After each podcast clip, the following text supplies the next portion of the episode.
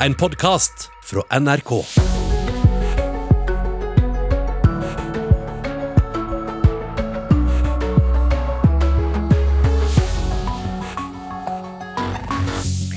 De aller fleste av oss er lykkelige over å få koronavaksine, men for noen fikk stikket alvorlige følger. 77 har kravd erstatning, og nå er de første tre sakene avgjort. Mer om det straks her i Nyhetsmorgen. Kanskje har du brukt ditt siste plastsugerør. Nå kommer alternativer, bl.a. i papir. Tanken er god, men det funker jo ikke så veldig bra. Det blir jo bløtt og det går jo ikke an å drikke av det. og nei. Ha litt tålmod mot oss, ber matbransjen, som lover bedre alternativ etter hvert. Og Husker du trygdeskandalen, der Nav feilaktig kravde penger tilbake fra trygdemottakere som oppholdt seg i utlandet? Flere ble også dømt til fengsel. I dag kommer Høyesteretts nye og endelige vurdering av saka. Har du lasta ned appen Paparazzi? Om svaret er nei, så er du nok ikke så ung og lovende lenger. Men ikke fortvil, for her i Nyhetsmorgen skal du få vite alt om den nye bildedelingstjenesten, som det viser seg faktisk kan være ulovlig. I studio denne morgenen, Silje Sande. De tre første søkerne har fått medhold etter at 77 personer til nå har kravd erstatning etter dødsfall og alvorlige bivirkninger av koronavaksinen.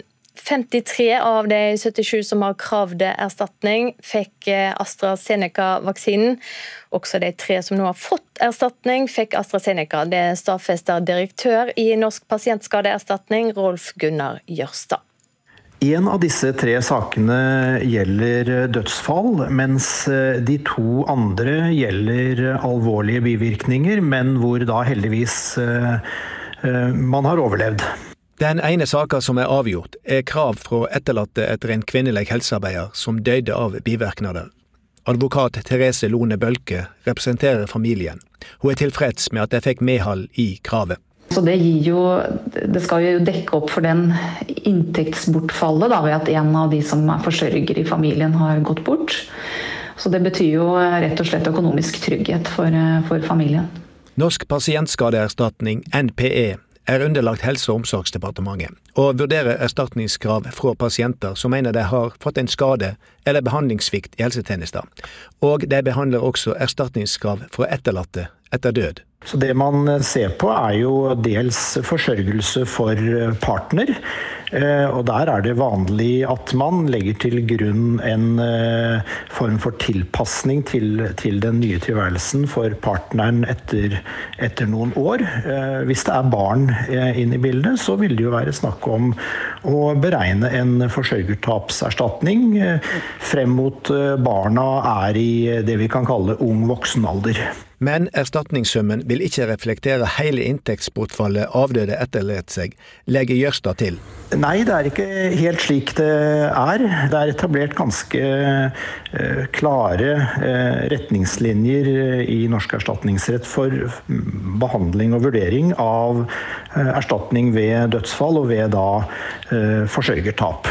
Alle de tre sakene der NPE har gitt medhold i kravet om erstatning, var relativt opplagte saker. Ja, I disse sakene så mener jo vi at det har vært god informasjon i sakene som tilsier at det da var riktig å tilkjenne erstatning. At vaksinen har fremstått som, som da en sannsynlig årsak til, til dødsfall og til, til skade for de to andre. AstraZeneca er ute av det nasjonale vaksineprogrammet. Det samme er Janssen-vaksinen. Men Janssen kan vi få ved å oppsøke leger som vil sette den. Og de som tar Janssen-vaksinen og får bivirkninger, kan også kreve erstatning fra NPE.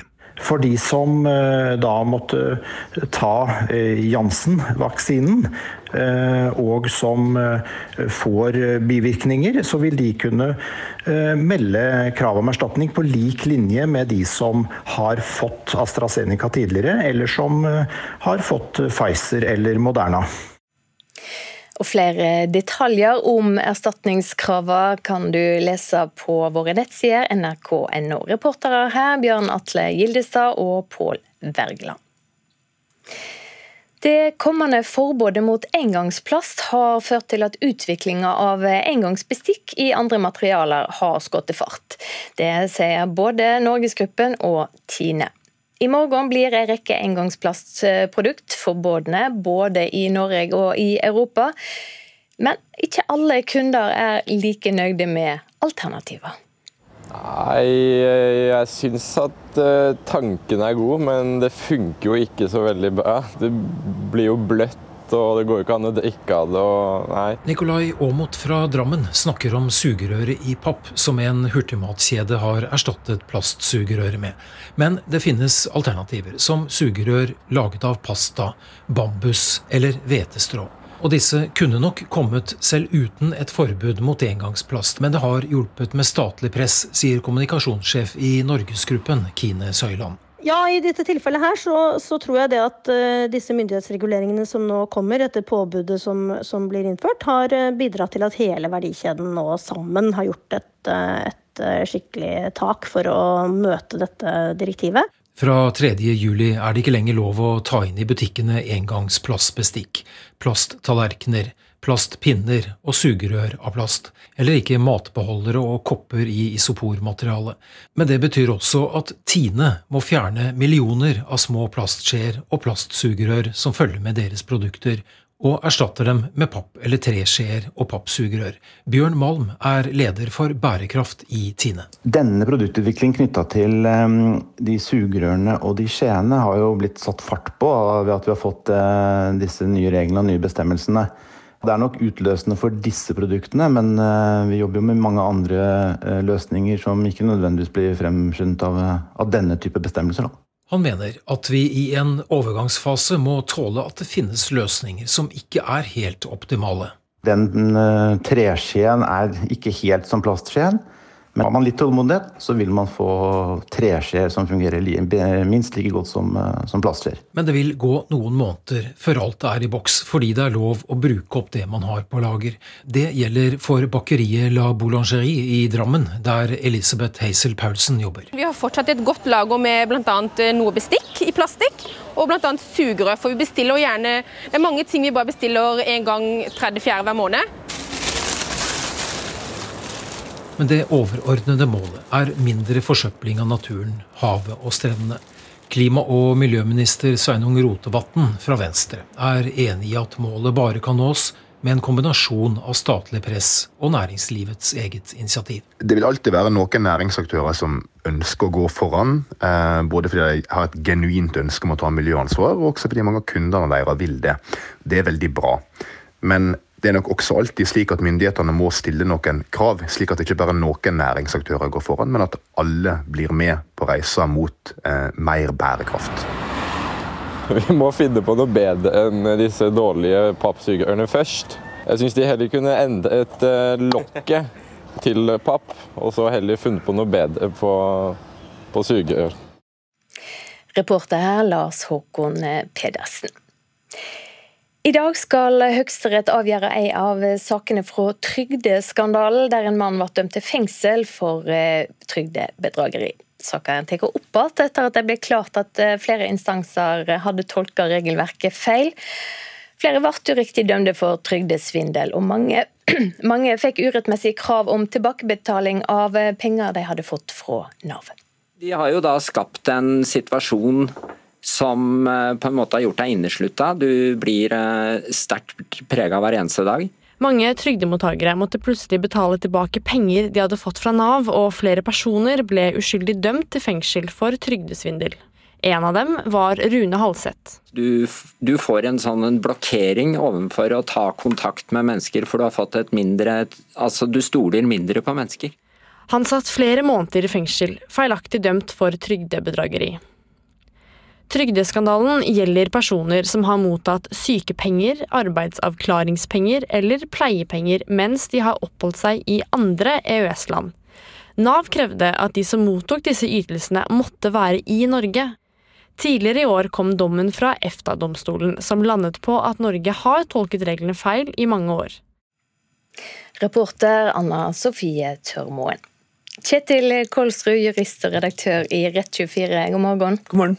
Fortell oss Hvor viktig er denne dommen som kommer i dag? Den er veldig viktig fordi at dette er den saken som eh, alle de andre sakene skal løses etter.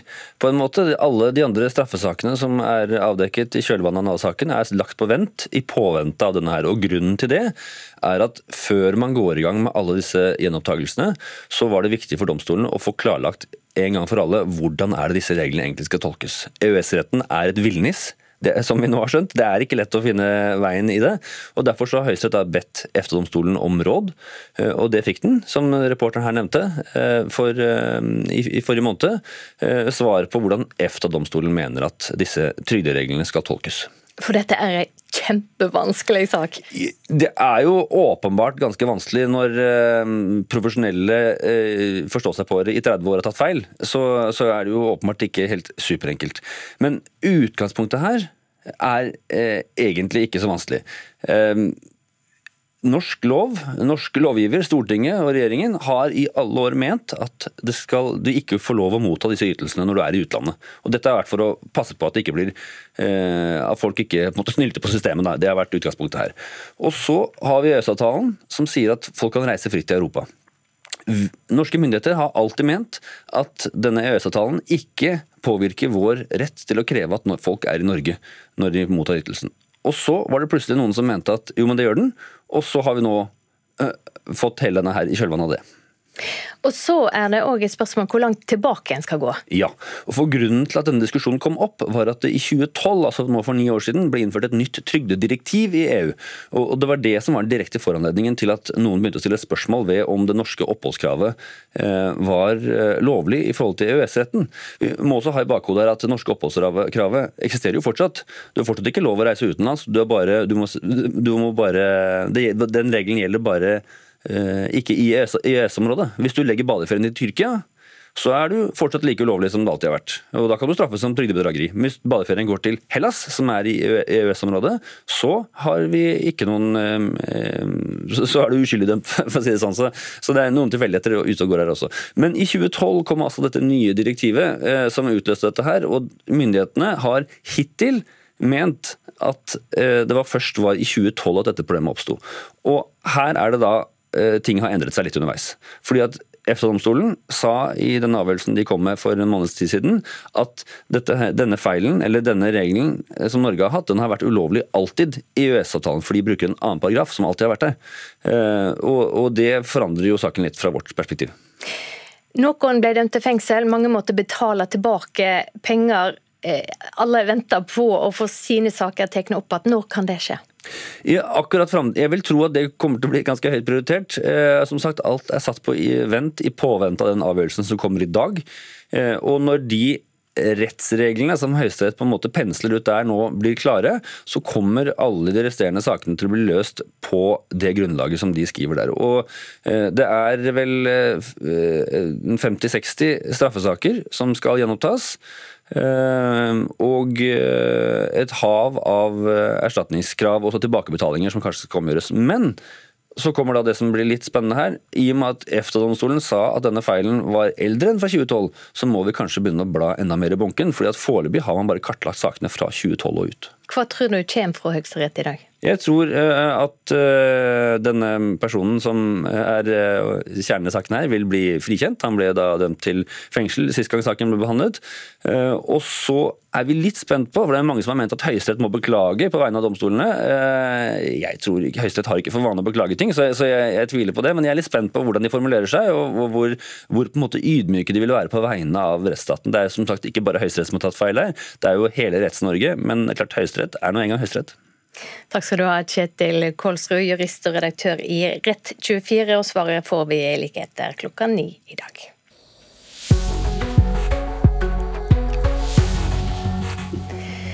Klokka er 7.17. Du hører på NRK Nyhetsmorgen. Norsk pasientskadeerstatning har giverstatning i de tre første av 77 saker der det oppsto alvorlige bivirkninger etter koronavaksinering. Forbudet mot engangsplast som eh, trer i kraft denne helga, har ført til at utviklinga av engangsbestikk i andre material har skutt fart, forteller matvarebransjen. Og Opprørerne nord i Etiopia kaller regjeringa si våpenhvile for en sjuk vits. Straks skal vi høre mer om eh, hvordan situasjonen er nett nå i Tigray-provinsen. Men aller først nå så må vi jo snakke om Karsten Warholm. For de som gikk gjennom koronatesting for å slippe inn på Bislett Games i går kveld, de fikk valuta for pengene. Warholm leverte verdensrekorden som alle håpa på, på 400 meter hekk med supertida 46,70. Klarer han å holde Stegerud-men hele veien? Det gjør han! Han er et hav foran Da Santos! Jobber hardt nå for å komme til den siste hekken! Toucher ikke den heller! Han vinner klart! Karsten Warholm har løpt på! Det er ny verdensrekord!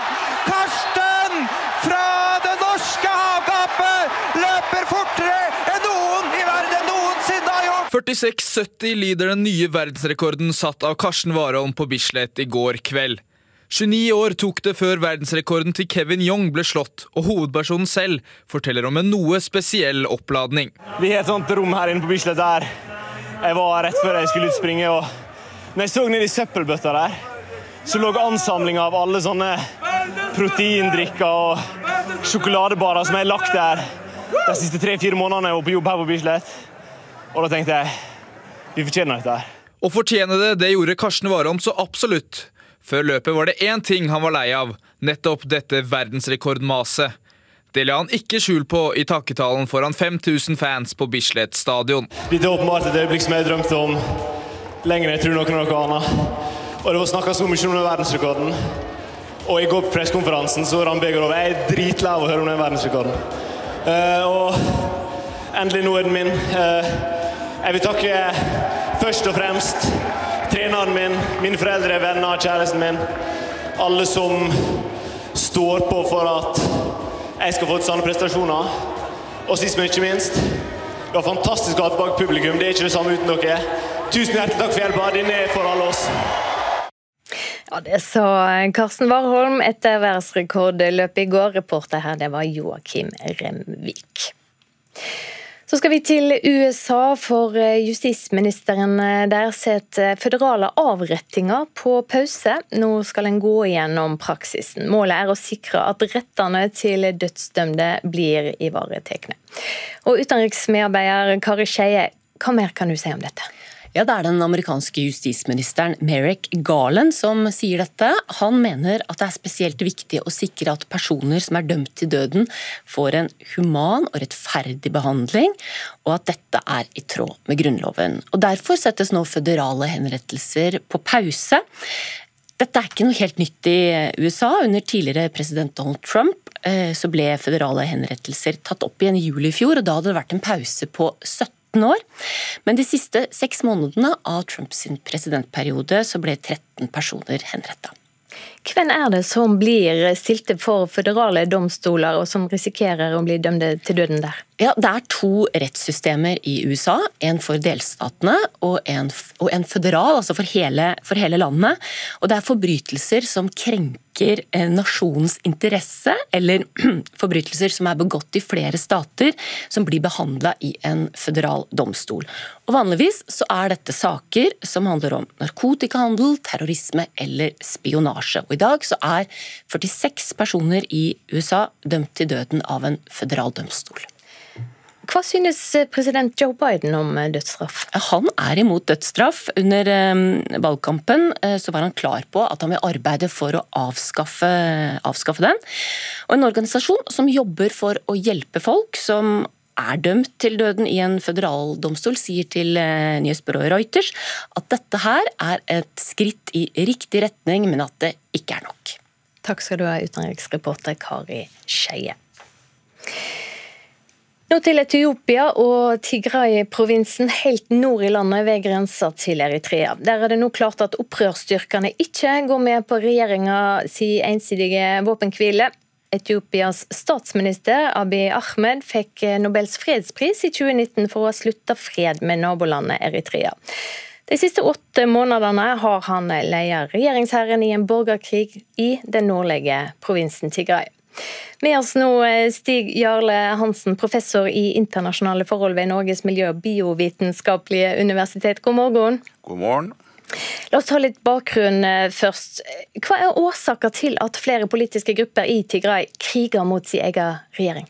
Vel, eh, De som styrte Tigray, TPLF, de eh, var involvert i en eh, motstandskamp mot undertrykking fra sentrum fra 70-tallet fram til 1991, før de tok makten i hele Etiopia.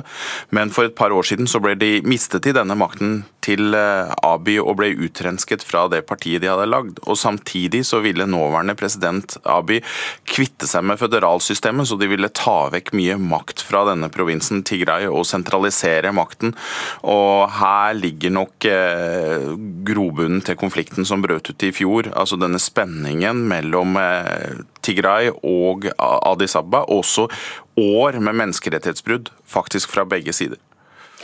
Men Abiy har jo fått fredsprisen, og han, i sin første tale som statsminister så tok han til orde for politiske reformer, samling og forsoning i Etiopia. Hva var det som gikk galt? Nei, Dette var bl.a. dette her med sentralisering, hvor det var et stort paradoks hvor Abiy ville fjerne federalsystemet og ta vekk lokal kontroll. Samtidig så måtte han bruke lokale allierte.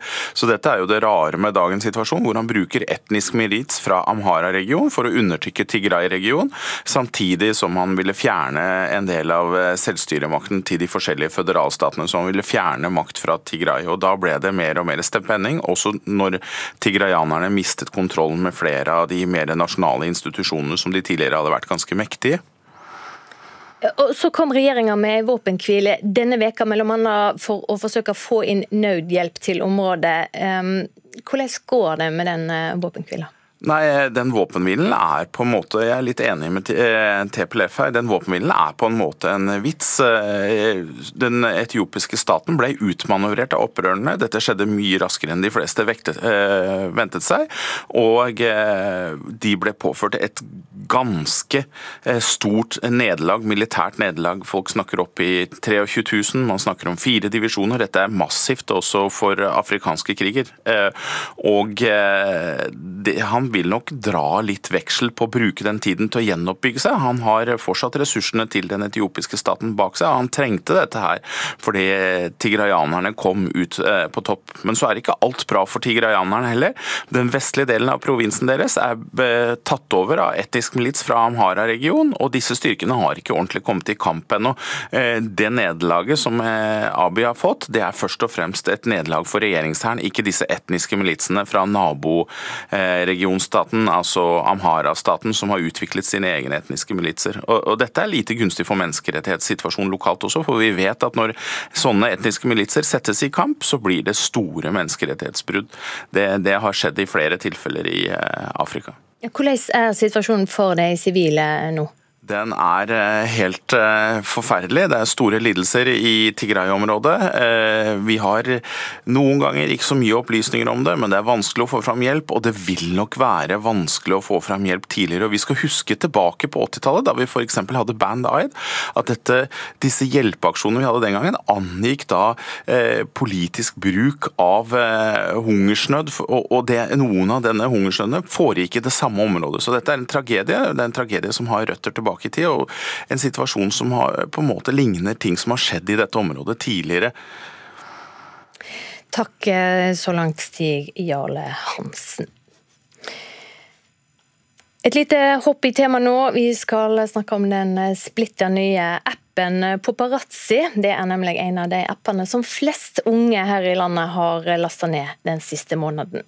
Den nye appen skal utfordre bildedelingstjenester som Instagram, Datatilsynet har fått inn flere tips om denne appen, og mener den kan være ulovlig. 16-åringen Iben Kallum er en av de som nå bruker appen.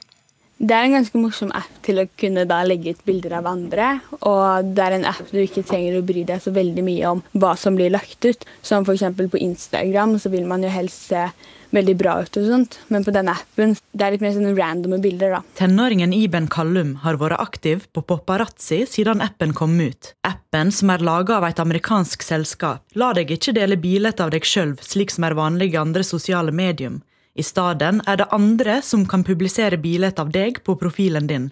Iben legger ofte ut bilder av vennene sine. Jeg pleier å ofte spørre først om jeg kan få legge det ut av dem, sånn at jeg vet at de liker bildet, eller ja, hva de tenker om det. Skaperne av appen ønsker å utfordre selfie-kulturen, og skriver i en pressemelding at en gjennom paparazzi kan dele autentiske øyeblinker med venner. Men det er ikke alt som er positivt med appen, ifølge Martin Gundersen, som er journalist i NRK Beta. Ulempen det er jo kanskje at man må miste mer kontrollen, eller at du må være populære og er litt i sentrum for å få bilder av deg lagt ut.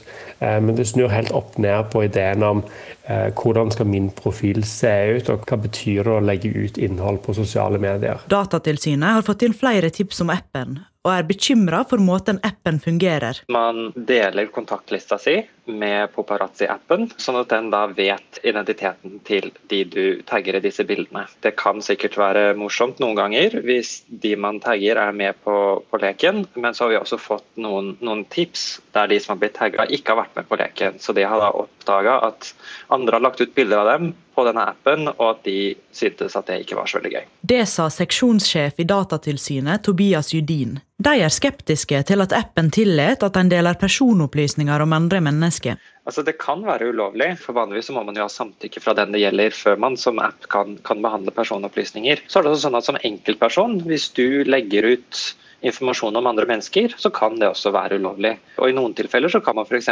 motta erstatningskrav hvis, hvis, man krenker andre på den måten. Iben har flere ganger opplevd at folk har lagt ut stygge bilder av henne. Men da kan jeg ganske lett slette de. Men hvis jeg da ikke er på telefonen akkurat da, så går det veldig kort tid før veldig mange har sett bildet uten at jeg vet det. Hun har en idé om hvordan appen kan bli tryggere å bruke. Jeg syntes egentlig at det burde vært en sånn at du får en varsling om at noen vil legge ut et bilde av deg, og så kan du trykke 'tillatt' eller 'ikke tillatt', sånn at du selv vet hva som blir lagt ut, og du kan velge det uten at folk ser det når det blir lagt ut.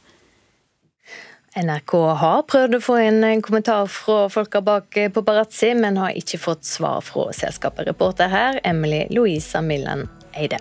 Nå for Dagsnytt.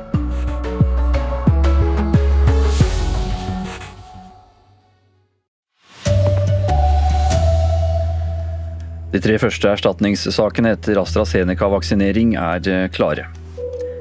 I morgen innføres forbud mot engangsplast. Ikke alle er fornøyd med alternativene. Det blir jo bløtt, og det går ikke an å drikke av det. og nei. Hekkeløper Karsten Warholm slipper endelig verdensrekordmaset. Jeg er dritlei av å høre om den verdensrekorden.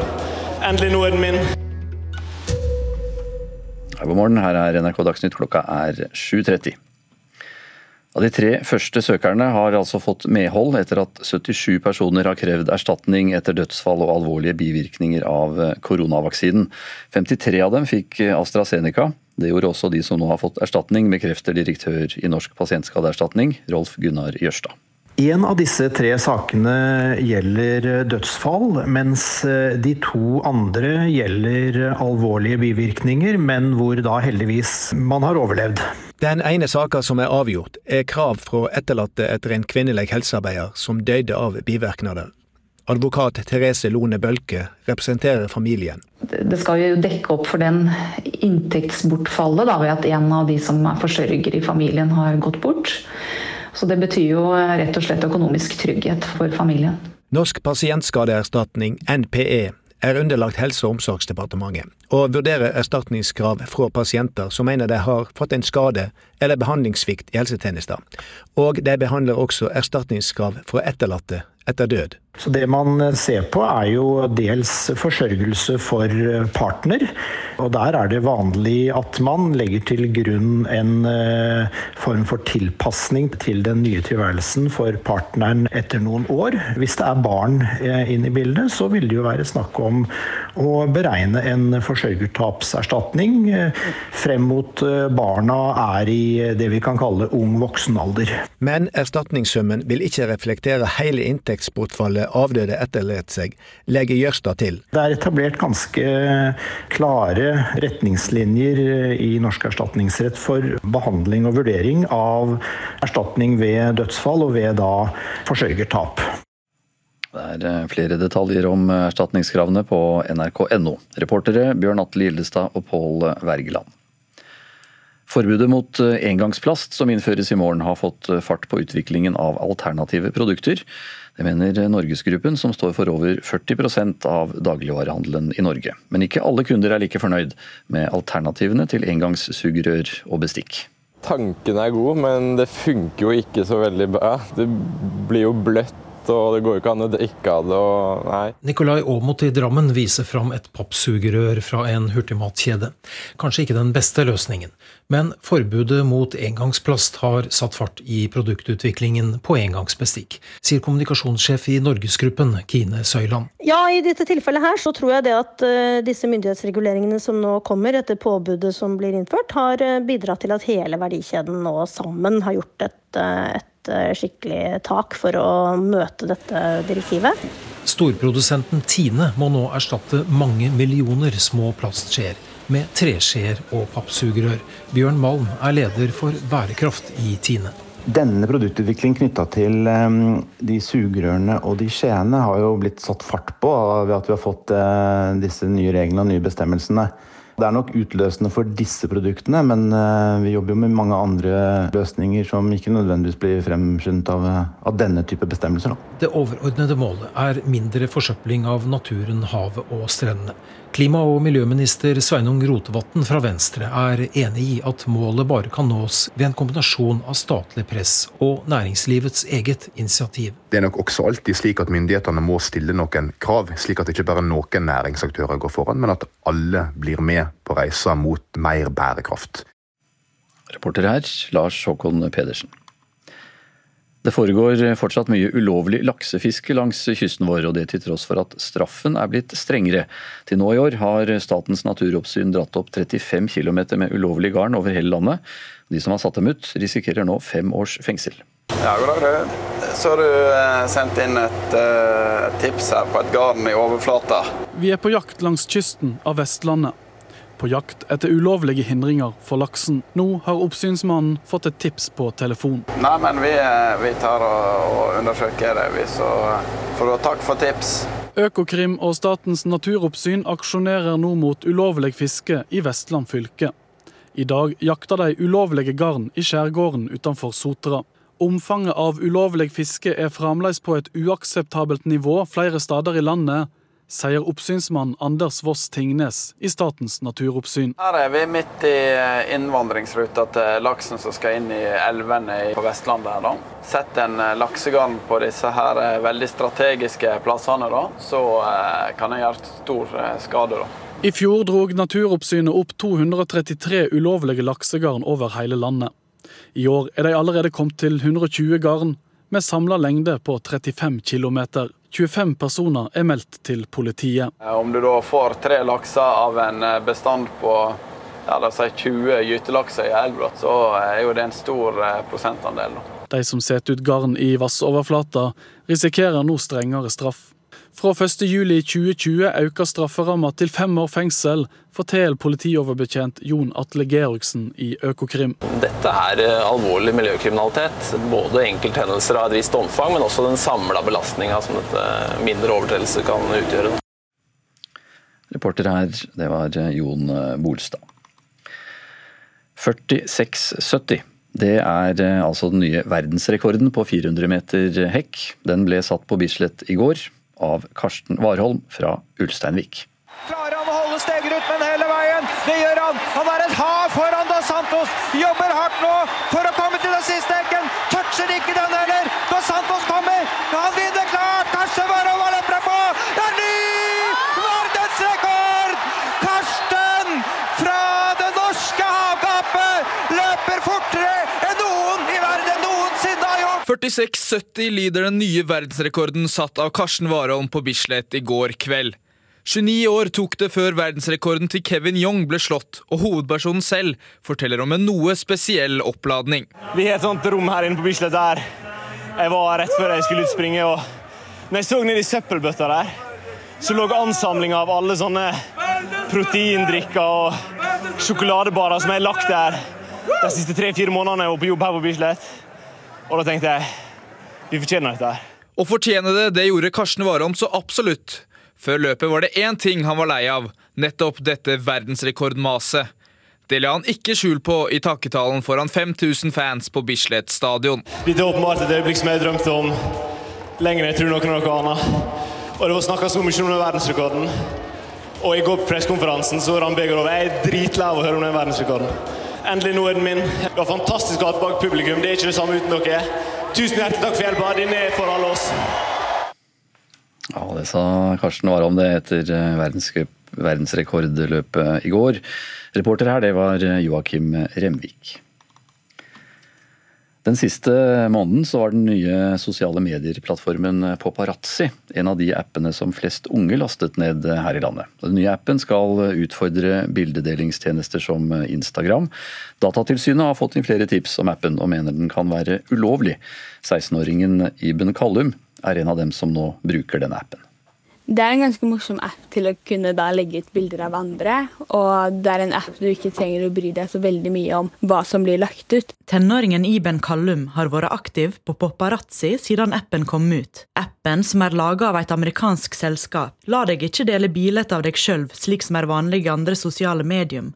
I stedet er det andre som kan publisere bilder av deg på profilen din. Skaperne av appen ønsker å utfordre selfie-kulturen, men det er ikke alt som er positivt med appen, ifølge Martin Gundersen, som er journalist i NRK Beta. Ulempen det er jo kanskje at man må miste mer kontrollen, eller at du må være populær og er litt i sentrum for å få bilder av deg lagt ut. Men det snur helt opp ned på ideen om hvordan skal min profil se ut. Datatilsynet har fått inn flere tips om appen, og er bekymra for måten appen fungerer. Det kan sikkert være morsomt noen ganger hvis de man tagger er med på, på leken, men så har vi også fått noen, noen, tips der de som har blitt tagga ikke har vært med på leken. Det sa seksjonssjef i Datatilsynet Tobias Judin. De er skeptiske til at appen tillater at en deler personopplysninger om andre mennesker. Altså Det kan være ulovlig, for vanligvis må man jo ha samtykke fra den det gjelder før man som app kan, kan behandle personopplysninger. Så er det sånn at Som enkeltperson, hvis du legger ut informasjon om andre mennesker, så kan det også være ulovlig. Ja, NRK har prøvd å få en kommentar fra paparazzi, men ikke fått svar. Reporter her det var Emily Louisa Millan Eide. Ulf Tannes Fjell har ansvaret for NRK Dagsnytt i dag. Jeg heter Anders Borgen Werring.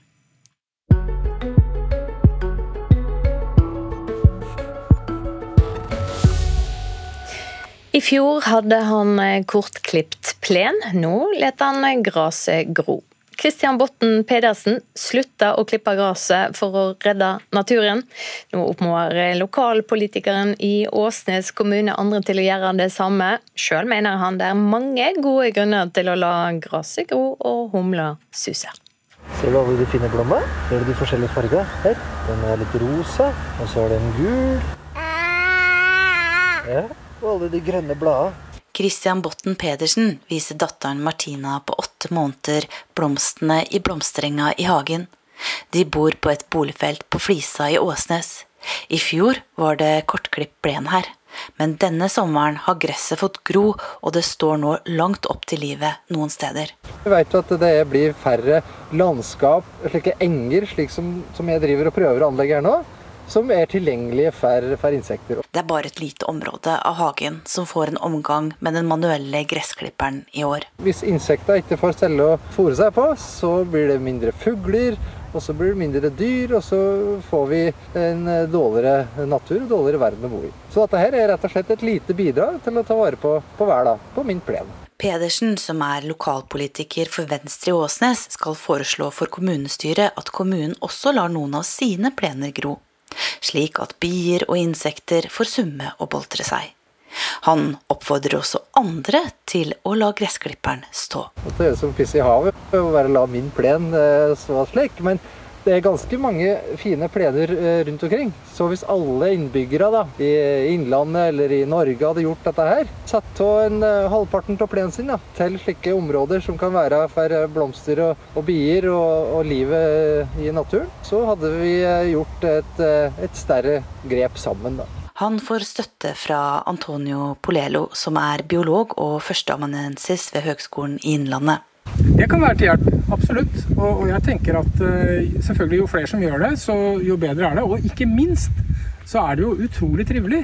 Hos Det Norske Hageselskap, som bl.a. har som mål å fremme hageglede og bærekraftig hagekultur, er det en økende trend å være opptatt av biologisk mangfold og det å la gresset gro. Et moderne landbruk og stadig mer bebyggelse rundt byene gjør at det blir mindre landskap med blomsterenger. På den ene siden så blir kulturlandskapet mer og mer preget av det vi kaller monokulturer, gjennom industrielt landbruk. Og på den andre siden så blir det gror det igjen, fordi at mye av den tradisjonelle gårdsdriften f.eks. For har forsvunnet. Og de liksom litt vanskelig drivbare områdene er ikke så attraktive lenger. Det er mange arter som i dag har havnet på den såkalte rødlista for, for truede arter, eh, nettopp fordi at den naturtypen er det veldig lite igjen av. Og det gjelder også i Bygde-Norge. Det gjelder ikke bare i områdene rundt byene.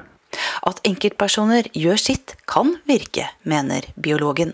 Men da må du altså la den stå litt lenger enn bare at du altså Da må den få lov til å stå litt, sånn at den også blir en eng. Men gjør du det, så vil det ha en betydning. Men liksom bare klippe halve plenen og så la kløveren stå igjen på den ene siden, det betyr nok ikke så mye. I hagen til Pedersen er det ikke bare insektene som kan kose seg. Å la være å klippe plen kan ha flere fordeler.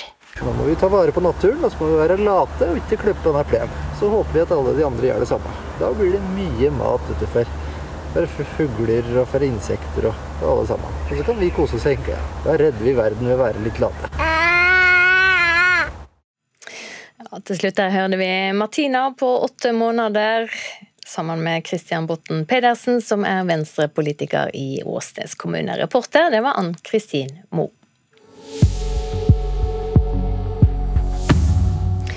Så en kikk på dagens overskrifter. Norsk pasientskadeerstatning har gitt erstatning i de tre første av 77 saker der det oppsto alvorlige bivirkninger etter koronavaksinering.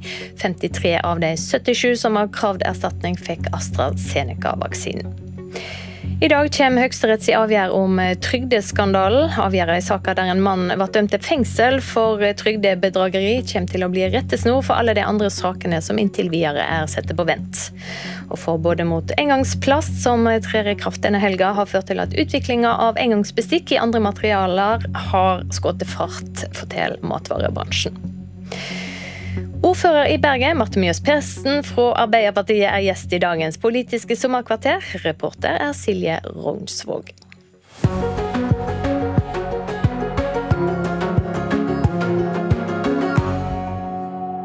Hei, jeg heter Marte Mjøs Persen, og jeg er ordfører i Bergen. Jeg er også toppkandidat i Hordaland valgkrets og leder av Vestland Arbeiderparti. Veldig kjekt å se deg. Må hilse, ja. En skal ikke gå lenge med Marte Mjøs Persen på bergenske brusteinsgater før det kommer noen som vil slå av en prat. Etter 18 år som folkevalgt, de siste seks som ordfører, har hun blitt et kjent fjes i byen. Men nå er det noe helt nytt som venter. Det blir veldig spennende å tre inn i en ny rolle. Det er helt uh, nytt for meg. Jeg har aldri vært verken vara til Stortinget eller stortingsrepresentant før, så jeg gleder meg til det. Det har vært en utrolig glede og ikke minst en ære å få være ordfører. Og jeg har opplevd utrolig mye spennende. Vært med på viktige politiske vedtak i bystyret i alle de årene som jeg har vært der. Og kjenner at mye av den erfaringen og alle de menneskene i møtene, eh, alt det jeg vet vi trenger her på Vestlandet, jeg gleder meg til å kjempe for det på Stortinget. Hva kvier du deg mest til? Jeg vet ikke om jeg kvir meg til så mye, men det er jo klart at jeg har jo familie. Jeg har eh, tre barn som eh, fortsatt går på barneskole, og ett barn som har flyttet hjemmefra. Men, men jeg gruer meg jo kanskje mest til å være mye vekke fra familien min. Men jeg tror det også skal gå helt fint. Vi er forberedt på det, og barna mine er ikke minst veldig stolt av at de har en mamma som er engasjert og politiker, og som skal være med og sitte i Stortinget fra høsten av. Hvorfor vil du til rikspolitikken? Det handler jo om at jeg har lyst til å få utrettet noe. Jeg ser hvor vanskelig det kan eh, være som kommunepolitiker å, å få gjennomslag for å få gjennomført eh, de store reformene som jeg ser at vi trenger. Jeg har et eh, spesielt engasjement for sosial ulikhet. Det er for mange i samfunnet vårt som sliter økonomisk, og det er for store forskjeller sånn som samfunnet vårt har utviklet seg og utvikler seg i feil retning. Og Noen av de store reformene som jeg mener er helt avgjørende, det er jo at vi klarer å, å få en fellesskole som virkelig er felles. Og selvsagt så er det jo sånn at alle barn er på skolen i skoletiden. Og så i SFO-tiden så er det noen som går hjem. Og noen av de barna som går hjem etter eh, skolen og ikke over i SFO sammen med vennene sine, de gjør det fordi foreldrene ikke har råd til det. Så for meg er det å sørge for eh, gratis SFO, ikke minst for de aller minste, en veldig viktig sak. På vei til Nygårdsparken, der dette intervjuet skulle finne sted, skjer det som ofte skjer i Bergen. Det måtte begynne å regne. Det måtte det. Vi er nå tross alt i Bergen. Vi må finne en ny plass å gjøre intervjuet. At planene for framtida blir lagt om er ikke noe nytt for Marte Mjøs Persen. Det var slett ikke opplagt at hun skulle bli verken ordfører eller stortingsrepresentant for Arbeiderpartiet, for den politiske karrieren starta lengst ute til venstre i Rød valgallianse. Det var noen som da rett og slett spurte kunne du tenke deg til å stille til valg for eh, Rød valgallianse, som det var den gangen. Og Aslak Stiras Myhre, som jeg også hadde vært i studentpolitikken med, var leder for Rød valgallianse den gangen. Så jeg ble nå med, da. Eh, kanskje var litt tilfeldig hvem som spurte, og at jeg sa ja til å stå på den listen. Men jeg oppdaget jo ganske fort etter at jeg da ble valgt inn i bystyret, at for meg er det viktig også å få gjennomslag for politikken. Eh, og da må vi inngå samarbeid. Og vi må kanskje også inngå noen kompromisser for å få til eh, det vi skal få til. Og så merket jeg jo allerede når jeg var i Rødvalgallianse, at, eh, at folk syntes også der at jeg kanskje var litt for langt på det de kanskje vil kalle for høyresiden, eh, og ble kalt nesten sosialdemokrat. Så når eh, RV da, etter mitt syn, tok et ganske langt steg til eh, venstre og slo seg sammen med AKP ML og ble Rødt, så skjønte jeg veldig raskt at dette er ikke stedet for meg å være, og jeg meldte meg da ut av politiske grunner. Rødt, altså Partiet Rødt er jo på vei litt opp. og Er det noe du kan tenke deg å samarbeide med på Stortinget? Det er ikke aktuelt for oss å sitte i regjering med, med, Rødt. Vi har jo en del felles saker med Rødt, og jeg ganske, føler meg veldig trygg på at eh, Rødt også ønsker seg en ny regjering fra høsten av. Og det er jo det viktigste, som jeg ser det. At vi klarer å skape et flertall i Stortinget for å få en ny regjering som eh, drar landet vårt i en annen politisk retning enn det vi gjør nå. Der vi setter fellesskapet først, der vi løser de store oppgavene i fellesskap. Men, men hvis Rødt kommer på vippen? De siste målingene over ganske lang tid viser et eh, klart rød-grønt eh, flertall uten Rødts støtte. Så det er jo et ganske sånn hypotetisk spørsmål. Men vi ser jo at Rødt i kommunestyrer og bystyrer rundt omkring velger seg et rød-grønt styre når alternativet er høyrestyre. Ja. Grunnet det bergenske regnet er vi på vei opp trappene i Folkets hus i stedet for Nygårdsparken, slik vi egentlig hadde tenkt. Her var det jo godt å rote den, men vi får faktisk se til. I valgkamplokalene til partiet ligger det synlige bevis på hvem som nå er frontfigur for Arbeiderpartiet i heimbyen til Erna Solberg. Her er det store plakater av deg klare. Ja. Dette, jeg, har, jeg har hørt rykter om at dette var det som var igjen av opplaget, så det må trykkes opp mer. Så det er jo kjekt. Det betyr at eh, lokallagene og kommunepartiene ute i fylket er i gang med valgkamp. Og det er jeg òg, så det er veldig gøy. Men den store effekten av at ordføreren stiller til valg, har lete vente på seg. Ordfører Marte Mjøs Persen og Arbeiderpartiet ligger langt bak statsministeren og Høyre i popularitet på supermålingene til NRK i Hordaland. Men Hva er egentlig problemet til Arbeiderpartiet nå, siden det har vært et fall på meningsmålingene over lengre tid? Det er mange som eh, selvfølgelig har pekt, pekt, på noen av de konfliktene som eh, har vært i Arbeiderpartiet. Eh, men det som folk har sagt til meg, det handler jo om at de ønsker seg et tydelig parti med tydelig politikk. Vi vedtok et program på vårt landsmøte som har en veldig sterk politikk for vanlige folk. For meg så er det viktig at vanlige folk nå skal få mer å rutte med, f.eks. Eh, de som har en inntekt under 750 000, de skal betale mindre skatt. Vi skal gi folk billigere barnehage, gratis kjernetid, eh, gratis SFO til førsteklassingene. Mange viktige oppgaver som eh, står foran oss, og det er den politikken vi skal snakke om når vi møter velgerne våre. Men Hvor skal alle disse pengene til dette hentes fra?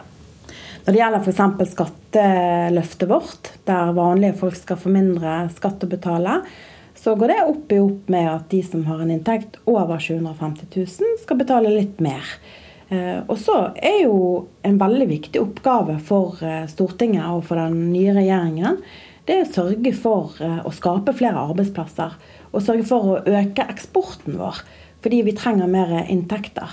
Men jeg har lyst til å påpeke at i Arbeiderpartiet sine alternative statsbudsjett, som baserer seg på den rammen som er, så klarer vi å omfordele mye mer til velferd. Så det handler om et politisk valg. Også hvordan vi styrer pengebruken vår. Enkelte mener det er for mye fokus på familie og barn når kvinner engasjerer seg i politikken. Men Marte Mjøs Persen bringer sjøl temaet på barna så ofte hun kan. Jeg ble valgt inn i bystyret i 2003. Da var den eldste sønnen begynte på skolen. Eh, jeg har egentlig vært mamma nesten hele voksenlivet mitt. Jeg fikk barn veldig tidlig. Så for meg så finnes det på mange måter ikke noe annet voksenliv enn det å kombinere politikk og det å ha barn. Og jeg syns at det henger veldig nøye sammen. Fordi at det er jo ikke minst for barna mine at jeg ønsker meg eh, et godt samfunn å både vokse opp i, og en fremtid som eh, både ungdommene og barna kan tro på. At vi klarer å kutte utslipp, at vi klarer å gjøre alt det. Men jeg skal jo ikke stikke under en stol at det også selvfølgelig er travelt. Så jeg prøver å ha høyt fokus på at jeg er der jeg er. Når jeg er hjemme med familien min, så er det hjemme med familien min jeg er. Og når jeg er ute på jobb eller i oppdrag for politikken, så er det der jeg er. Og prøver å ha fullt og helt fokus på det stedet jeg er. Det er òg politikken retta mot de yngste og familiene hun aller helst vil snakke om. Som at Arbeiderpartiet lover familier med tre barn i barnehage en gratis barnehageplass. Eh, hvorfor er det viktig? Vet du hva, eh, det syns jeg er ganske viktig. Nå er det jo ikke sånn veldig mange som nødvendigvis har tre barn i barnehage samtidig. Men jeg er jo en av de som har hatt det, sant? fordi at jeg fikk trillinger. Og jeg har jo derfor også ganske god kontakt med andre i samme situasjon som har trillinger. Eller andre som har fått tre tette. Og de som har tvillinger og en til. Sant? Eh, og det skjer ganske mange, da. Og det som jeg ser, det er jo at mange av de forteller om at de går ned i stillingsbrøk på jobben sin fordi at den prisen de betaler når de har tre barn i barnehage samtidig, den er veldig høy. Og det kjenner, til og med, det kjenner jeg også på. Selv om vi er to voksne i familien, og når de gikk i barnehage hadde begge to full jobb, så er nesten 8000 kroner i måneden mye. Det er kanskje omtrent det samme som du betaler i huslån eh, på en vanlig leilighet eller et rekkehus. Og derfor så er en sånn moderasjon, der det tredje barnet blir gratis, viktig for veldig mange familier. Det er viktig fordi at barna da kan gå fulltid i barnehage, og det er viktig fordi at begge foreldrene kan være i jobb. Noe som vi vet er viktig for likestilling, vi vet at det er viktig for den personen du skal ha når du en gang eh, slutter i arbeidslivet. Men på enkelte områder skulle Marte Mjøs Persen ønske at politikken til Arbeiderpartiet var annerledes. Sammen med partifeller i Bergen og Oslo kjempa hun høglytt for at partiet skulle gå inn for rusreformer til regjeringa og avkriminalisere bruk av narkotika. En kamp hun tapte i partiet. Så Vi kommer ikke helt i mål i forhold til det jeg syns hadde vært det beste, men jeg tror at eh, det er en reform som kommer når samfunnet er moden for det. Hva var det som skjedde på bakrommet? Nå var det viktig for meg å si at eh, det var ikke et prinsipp for meg å ville ha den reformen som regjeringen la frem. Blant annet så var det for lite til eh, forebygging, det var for lite til behandling, og det var ikke minst for lite til ettervern. Men når det er sagt, så var jo både mitt og, og eh, en ganske stor andel av Arbeiderpartiet sitt synspunkt at en reform som også innebærer at reaksjonen overfor de som bruker narkotika, skulle gå fra straff til helsehjelp, eh, det var et grunnleggende synspunkt for meg. Og så har eh, landsmøtet vårt vedtatt at vi vil ha en rusreform som eh, gjør det. Eh, men det er de tunge brukerne da som skal få dette straffefritaket. Det har vært en stor frykt for at avkriminalisering generelt skulle føre til at unge tror at ja, nå er det legalisert, nå er det bare fritt frem. Mm. Forstår du den? Ja, jeg forstår den bekymringen. Jeg tror alle vi som er voksne i samfunnet vårt, har en bekymring for ungdom. Og for at de skal begynne med rus Og begynne med, med, noe som vi vet er farlig for dem, og som får store konsekvenser for livene deres. Og så vet jeg ikke om vi er sånn veldig grunnleggende uenige om hvordan vi skal følge opp. da, Men for meg så var i hvert fall eh, det viktige med det handler om å møte ungdom med respekt, samtale, dialog. eh, for å hjelpe de ut av eh, et problem som eh, oppstår.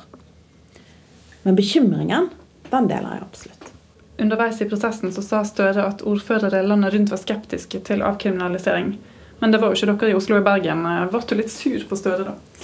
Nei, jeg ble ikke det. Men det var jo en del ordførere som uttrykte den bekymringen spesielt. Men vi er et veldig bredt og stort parti der vi har jeg er stolt av at vi har denne type diskusjoner åpent i vårt parti, hvor vi kan eh, diskutere ulike synspunkt, og så lander vi på det som er flertallet i organisasjonen. Som ordfører i Bergen så er det viktig for meg å si at vi har en ganske god ruspolitikk i Bergen. Vi har en god rusomsorg. Eh, og det ønsker eh, jeg å bygge videre på. Både i mitt virke på Stortinget og for å, å gi rusavhengige egentlig i hele landet eh, en god eh, og verdig rusomsorg. For det er en viktig sak for meg. Eh, hvem er din favorittpolitiker på den andre siden av den politiske streken, altså eh, borgerlig side? Det var et interessant spørsmål. Altså, det er mange politikere jeg har hatt eh, stor respekt for, som jeg har jobbet sammen med også. Eh, Monica Mæland er jo en av de. Jeg er dypt uenig med henne i veldig mange spørsmål. Men jeg har jo vært i bystyret da hun var byrådsleder. Og eh, også selvfølgelig hatt kontakt med henne nå når hun har vært i regjering. Både som eh, næringsminister og nå som eh, justis- og beredskapsminister. Det som gjør at jeg kanskje har veldig stor respekt for henne som politiker, det er også at hun er et menneske som jeg vet bryr seg om. Eh, og jeg setter veldig stor pris på og det ligger mange år tilbake i tid, men når min mamma døde, f.eks., så var Monica en av de aller første som eh, tok kontakt og hørte hvordan det gikk, og sendte blomster. Så hun er en sånn som også bryr seg om andre.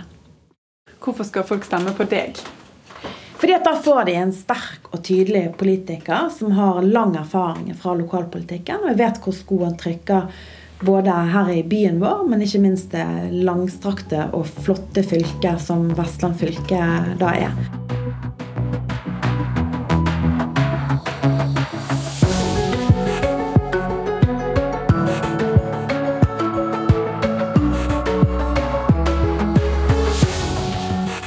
Du har hørt en podkast fra NRK. Hør flere podkaster og din favorittkanal i appen NRK Radio.